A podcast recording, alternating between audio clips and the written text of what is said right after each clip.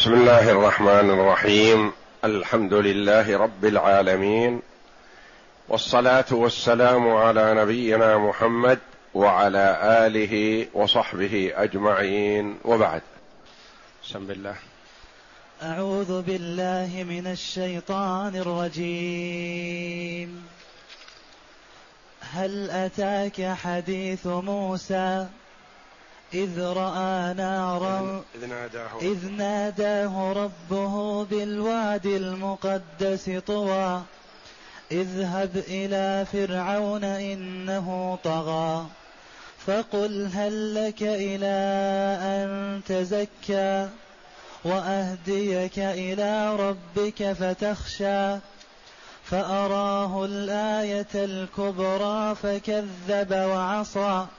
ثم أدبر يسعى فحشر فنادى فقال أنا ربكم الأعلى فأخذه الله نكال الآخرة والأولى إن في ذلك لعبرة لمن يخشى. حسبك. هذه الآيات الكريمة من سورة النازعات. جاءت بعد قوله جل وعلا قلوب يومئذ واجفة أبصارها خاشعة يقولون أئنا لمردودون في الحافرة أإذا كنا عظاما نخرة قالوا تلك إذا كرة خاسرة. فإنما هي زجرة واحدة فإذا هم بالساهرة. هل أتاك حديث موسى؟ الآيات. هذه الآيات الكريمة. هل أتاك حديث موسى؟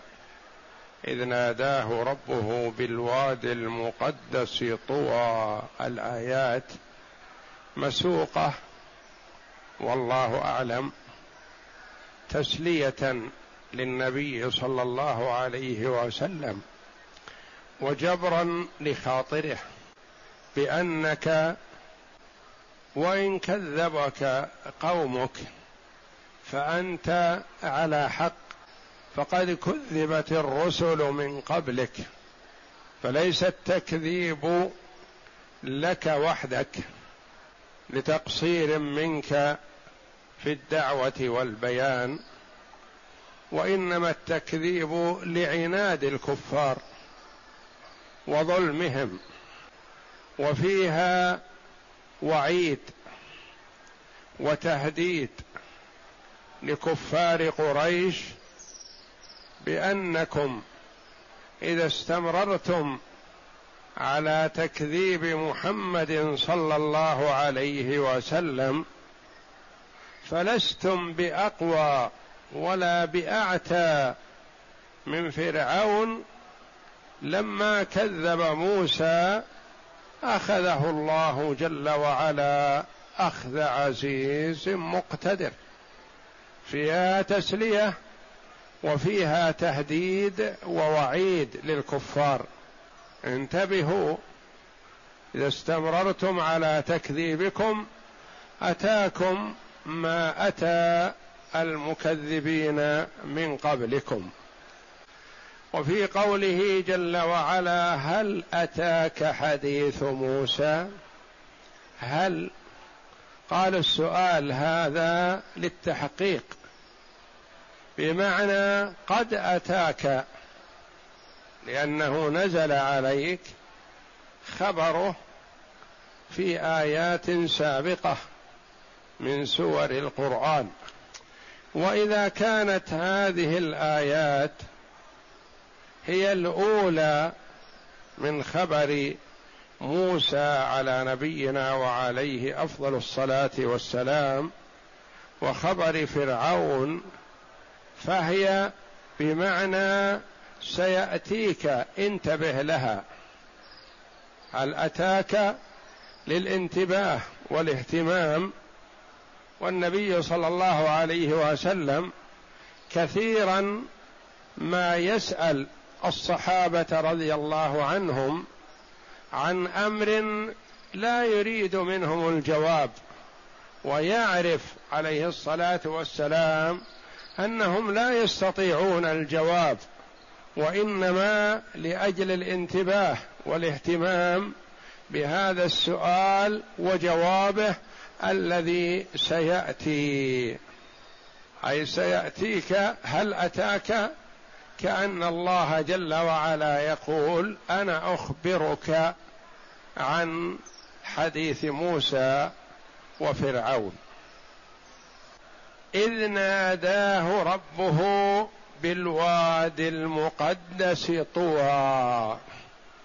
إذ ناداه الندى والمنادات معلومة وفيها إثبات صفة الكلام لله جل وعلا بالندى. إذ ناداه ربه الله جل وعلا هو المتكلم وهو المنادي. سبحانه فليس غيره بل هو المنادي. إذ ناداه ربه بالواد المقدس. الواد المقدس وصفه الله جل وعلا بأنه مقدس. والأماكن يفضل بعضها على بعض بتفضيل الله جل وعلا.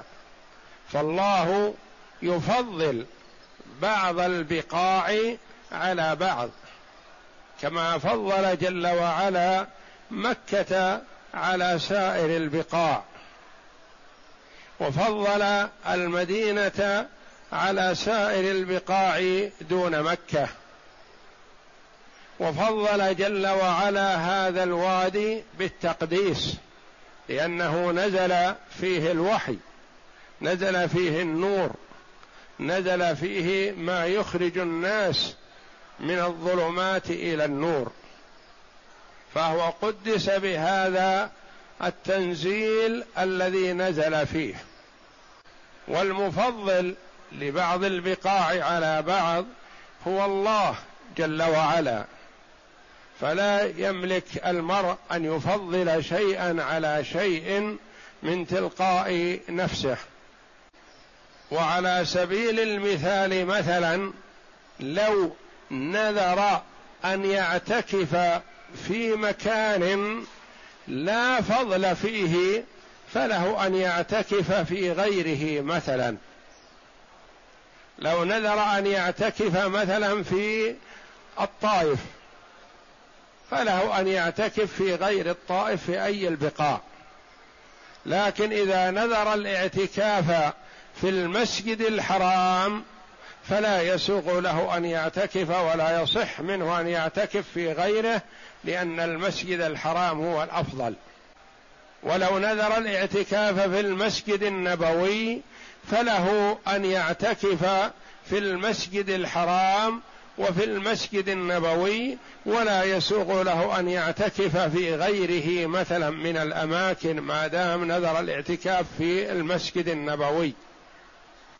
فإذا نذر الاعتكاف في مكان فاضل فله أن يعتكف فيه ولا يعتكف في غيره إلا فيما هو أفضل منه. والله جل وعلا يفضل بعض البقاع على بعض كما يفضل بعض الأمكنة في البلد الواحد على بعض. كما جاء في الحديث الصحيح أحب البلاد إلى الله مساجدها. وأبغض البلاد إلى الله أسواقها. فالمساجد هي أحب البقاع إلى الله في البلد الواحد لأنها موطن الصلاة وموطن الذكر وموطن قراءة القرآن وموطن التعلم والتعليم وحلق العلم. فلذا فضلت. وأبغض البلاد إلى الله أسواقها لأنها في الغالب ما يكون فيها الكذب. والأيمان الفاجرة اليمين الغموس. ويكون فيها الغش ويكون فيها بيوع الربا والخداع والمعاملات التي تسخط الله جل وعلا. فلذا صارت الأسواق هي أبغض البلاد إلى الله. لما يصدر فيها وقد يصدر فيها خير ولكن الغالب في الأسواق هو ما يحصل فيها من المخالفات الشرعية فلذا صارت هي أبغض البلاد إلى الله. فالله جل وعلا فضل هذا الوادي على سائر البقاع سوى ما هو أفضل منه من مكة والمدينة. بالوادي المقدس طوى طوى فيها قراءات قراءتان التنوين وعدم التنوين طوى أو طوى. فالصرف على أنه اسم نكرة غير معين وعدم الصرف على أنه اسم معرفة معين. وادي طوى واد بين مكة ومصر وقيل أو بين المدينة ومصر وقيل هو في الشام وهو الذي كلم الله جل وعلا عليه موسى على نبينا وعليه أفضل الصلاة والسلام. اذهب إلى فرعون إنه طغى. يقول الله جل وعلا هذا التكليم لموسى اذهب إلى فرعون. فرعون هو حاكم مصر في وقته. وهو فرعوني فهو ملك الأقباط أقباط مصر. اذهب إلى فرعون إنه طغى والطغيان هو مجاوزة الحد. يعني تجاوز حده فهو عبد مخلوق وادعى الربوبية ادعى الألوهية. فهو طاغ بمعنى تجاوز الحد والطغيان مجاوزة الحد. إذا تجاوز المرء حده يقال طغى يعني تجاوز. ومعنى ومثل هذا لغة لما طغى الماء يعني تجاوز حده المعقول العادي. طغى بمعنى زاد. نعم اقرأ. يخبر تعالى عن رسوله محمد صلى الله عليه وسلم عن عبده ورسوله موسى عليه السلام أنه بعثه إلى فرعون وأيده الله بالمعجزات ومع هذا استمر على كفره وطغيانه حتى أخذه الله أخذ عزيز مقتدر وكذلك عاقبه من عاقب من خالفه وكذب بما جاء به ولهذا قال في آخر القصة إن في ذلك لعبرة لمن يخشى. فقوله تعالى هل أتاك حديث موسى؟ أي هل سمعت خبره؟ إذ ناداه ربه أي كلمه نداء بالوادي المقدس طوى أي المطهر طوى وهو اسم الوادي على الصحيح كما تقدم في سورة طه فقال له اذهب إلى فرعون إنه طغى. أي تجبر وتمرد وعتى. فقل هل لك إلى أن تزكى؟ فقل هل لك إلى أن تزكى. الفاء هذه يعبر عنها العلماء بأنها الفاء الفصيحة. يعني أفصحت يعني عن جملة مقدرة. كأن فيه كلام كثير اختصر فأدت الفاء معناه يعني أشارت إليه. يعني إذا ذهبت إليه فقل له كذا. فقل هل لك إلى أن تزكى؟ هذا فيه توجيه من الله جل وعلا لموسى عليه الصلاة والسلام بأن يتلطف مع فرعون. حتى وإن كان أعتى وأشقى أهل الأرض والله جل وعلا يعلم أزلا أن فرعون لا يتذكر ولا يخشى. ولكن الله جل وعلا يعلم رسله ويعلم عباده التلطف في الدعوة إلى الله جل وعلا. كما قال تعالى ادع إلى سبيل ربك بالحكمة والموعظة الحسنة. فقل هل لك؟ أتريد أترغب أن تتزكى؟ أترغب. زكاء العمل وزكاء النفس. هل ترغب أن تؤدي ما يزكيك عند الله جل وعلا؟ هل ترغب هذا؟ هذا عرض. ما أمره بإلزام وأمر بقوة وإنما على سبيل العرض. وهكذا ينبغي للداعيه إلى الله جل وعلا أن يتلطف بالمدعو. أن يتلطف بالمدعو ويرفق به سواء كان قريبا أو بعيدا. وكما تلطف إبراهيم الخليل على نبينا وعليه أفضل الصلاة والسلام في دعوته لأبيه. يا أبتي يا أبتي يا أبتي يكرر ويرفق به لعله أن يستجيب. فقل هل لك إلى أن تزكى؟ يعني تزكي نفسك بشهادة أن لا إله إلا الله. تزكي نفسك بالإيمان بالله واتباع ما يسعدك في الدنيا والآخرة. وأصلها تتزكى فأدغمت التاء في الزاي وشددت. وفيها قراءتان تز هل لك ان هل لك أن تزكى أو تزكى؟ بالتخفيف والتشديد. وتزكى بمعنى تزكي نفسك. أو تزكى بمعنى تدفع الزكاة التي تطهر نفسك ومالك. وأهديك إلى ربك فتخشى. أهديك. أدلك. وكما تقدم لنا الهداية نوعان. هداية بمعنى الدلالة والإرشاد. وهذه من الله جل وعلا. بالكتب والرسل ومن الرسل ومن الدعاة إلى سبيل الله بالحكمة والموعظة الحسنة. فهم يهدون الناس بمعنى يرشدونهم إلى الطريق الصواب وإلى الطريق الموصل إلى رضوان الله وجنته. هذه هداية بمعنى الدلالة والإرشاد وهداية بمعنى التوفيق والإلهام وهذه لله جل وعلا وحده. لا يملكها ملك مقرب ولا نبي مرسل. وكلاهما في القرآن الكريم.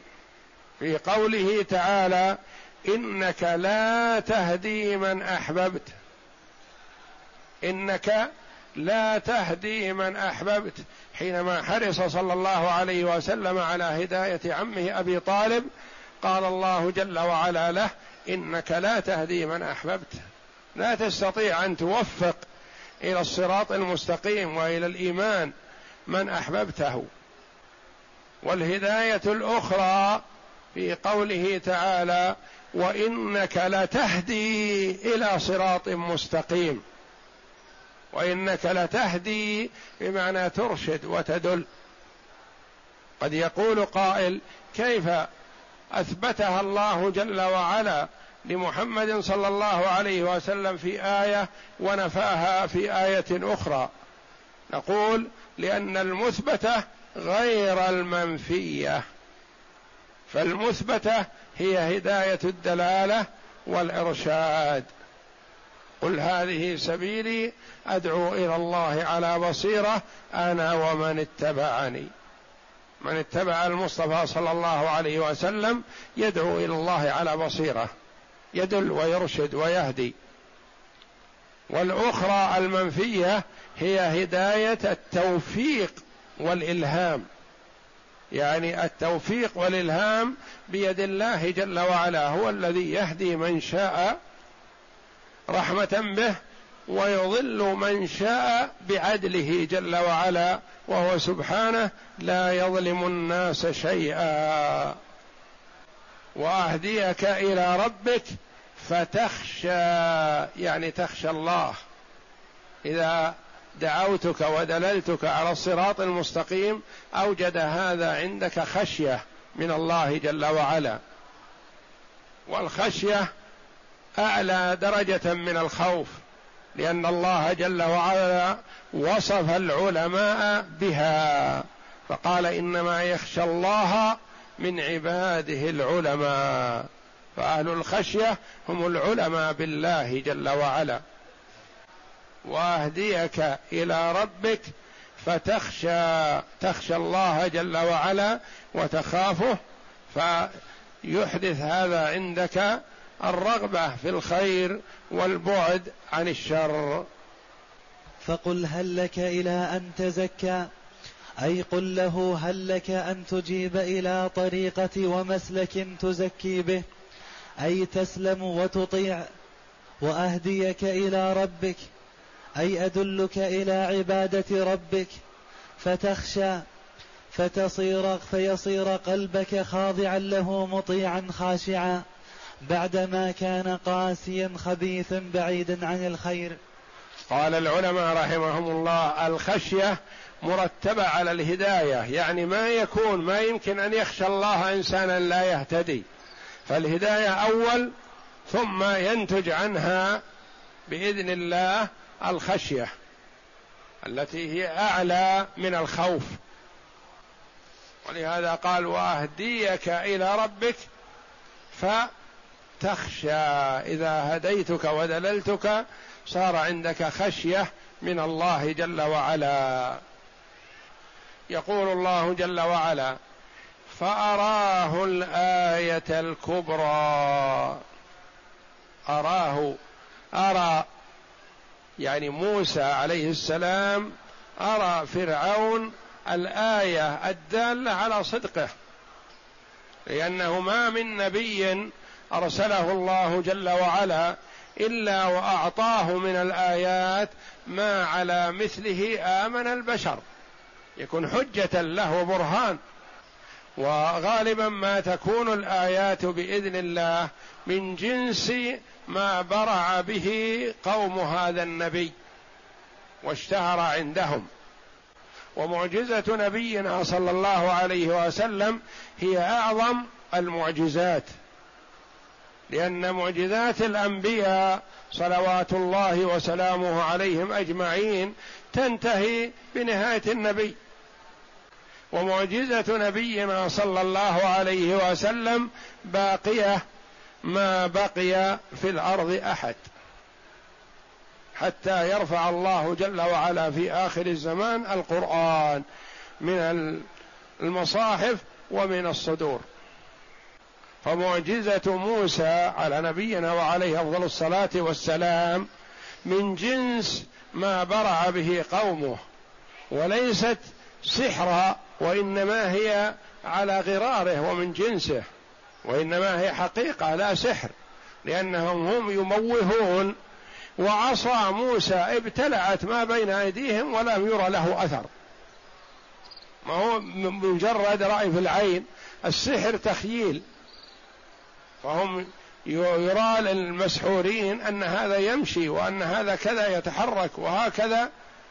لكن بالنسبة لمعجزة موسى على غرار من جنس لكنها ليست بسحر بل هي حقيقة. ابتلعت كل ما في الوادي من الحبال والعصي ونحوها مما خيل لهم أنها تسعى.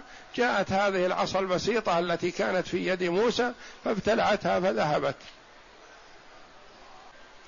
ومعجزة عيسى على نبينا وعليه أفضل الصلاة والسلام إحياء الموتى وإبراء الأكمة والأبرص من جنس ما برع فيه قومه بالطب.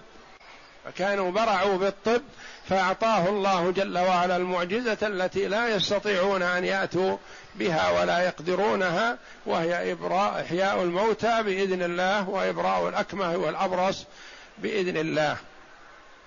ومعجزة نبينا محمد صلى الله عليه وسلم هذا القرآن الذي جاء به محمد صلى الله عليه وسلم وهو أمي لا يقرأ ولا يكتب لا يعرف اسمه عليه الصلاة والسلام. والأمية في حقه صلى الله عليه وسلم تكريم ومفخرة لأنه مع أميته أتى بهذا القرآن. بخلاف غيره فالأمية نقص. عيب. فالذي يقرأ ويكتب أفضل من الذي لا يقرأ ولا يكتب. ومحمد صلى الله عليه وسلم أمي لا يقرأ ولا يكتب وأعجز البلغاء والفصحاء بما أتى به من هذا القرآن العظيم تحداهم أن يأتوا بمثله فلم يستطيعوا. فتحداهم أن يأتوا بعشر سور مثله فلم يستطيعوا.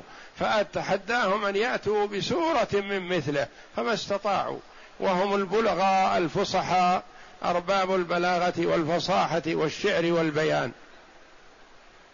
لأنه كلام الله جل وعلا ما يستطيع البشر أن يأتوا بمثله. فأراه الآية الكبرى. ما هذه الآية؟ قيل هي العصا. وقيل اليد. وقيل هما معا. وقيل الآيات التسع. فالأولى أن تكون اليد أو العصا أو هما معا لأنها كلاهما على أول ملاقاه فرعون. أبرزها عليه الصلاة والسلام. فأراه الآية الكبرى. العصا تنقلب حية. حتى اتجهت إلى فرعون فخاف منها خوفا شديدا وأحدث. ما استطاع أن يقف وأن يصبر وأن يتماسك وهي متجهة إليه وهي كانت عصا بيد موسى عليه السلام. يقول أتوكأ عليها وأهش بها على غنمي.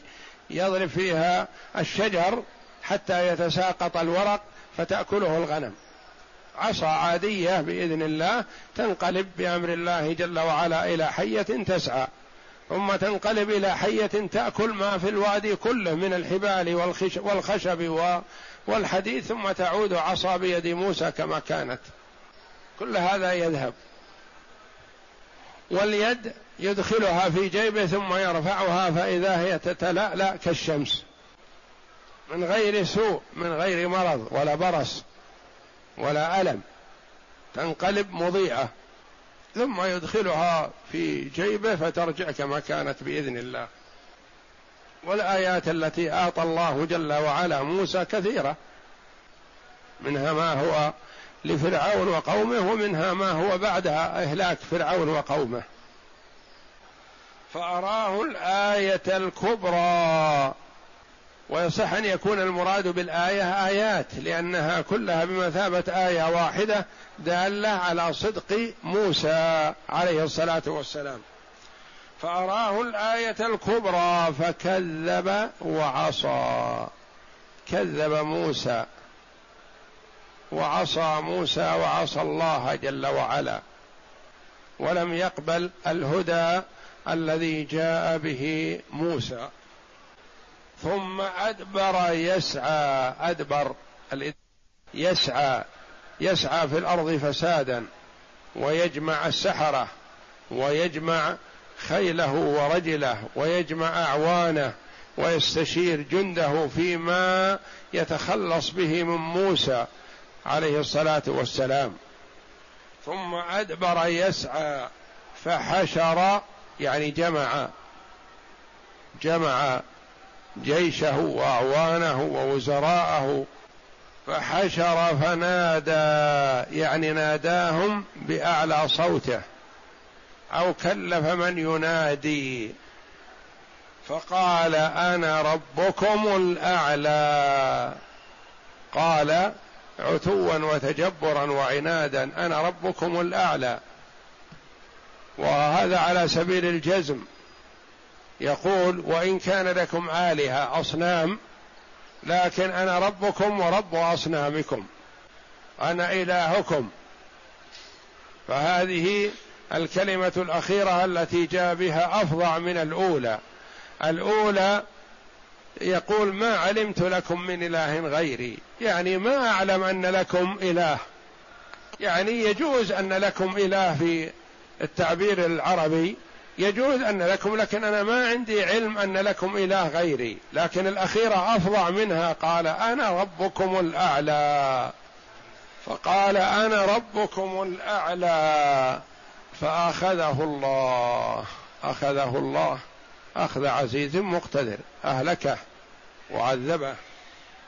نكال الآخرة والأولى. أخذه نكال نكل به عن الكلمة الأخيرة التي الفظيعة هذه أنا ربكم الأعلى وعن الكلمة الأولى التي قالها وهي قوله ما علمت لكم من إله غيري وقيل إن بينهما عشرون سنة ما علمت لكم من إله غيري أول ثم قال في الأخير أنا ربكم الأعلى وقيل المراد بالآخرة والأولى الحياة الآخرة يعني عاقبه الله جل وعلا العقوبة الشديدة في الآخرة وفي الأولى الدنيا بالغرق.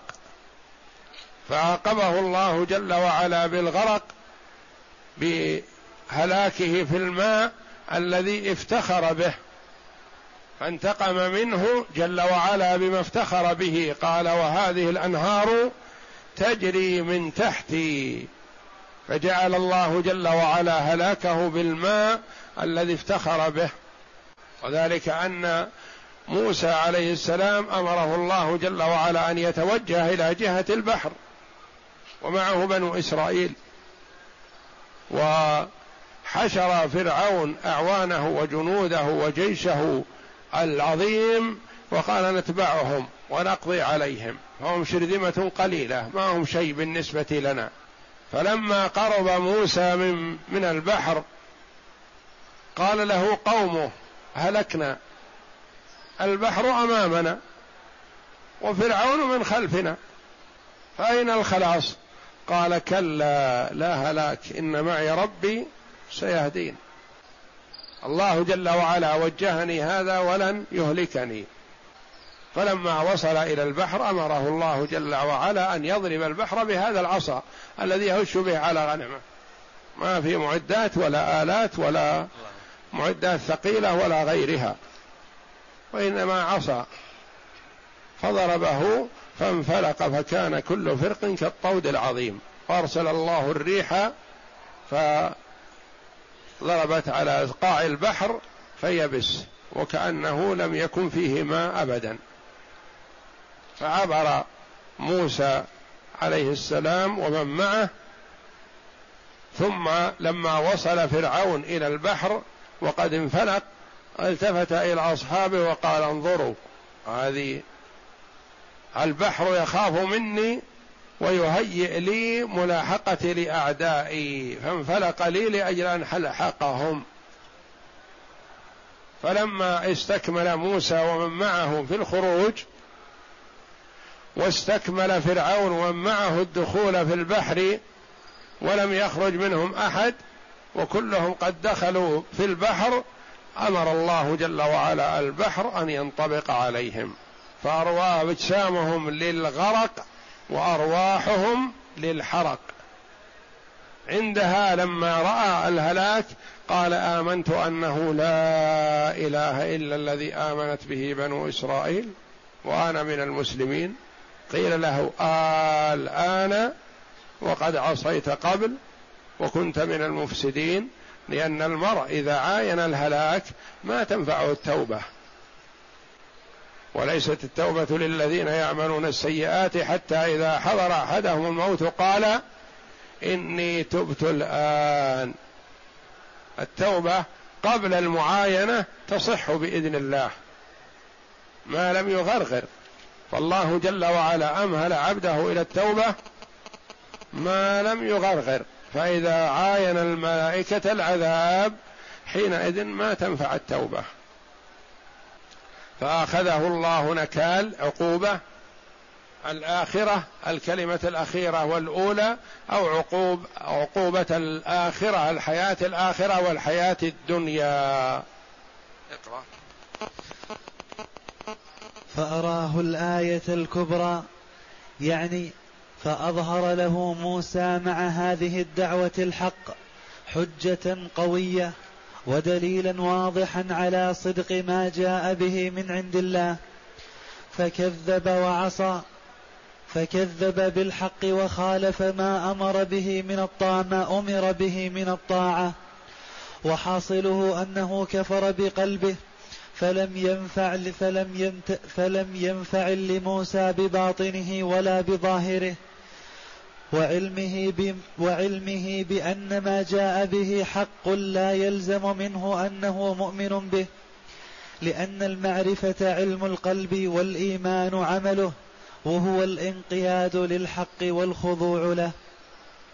ثم أدبر يسعى أي في مقابلة الحق بالباطل وهو جمعه السحرة ليقابلوا ما جاء به موسى عليه الصلاة والسلام من المعجزات الباهرات.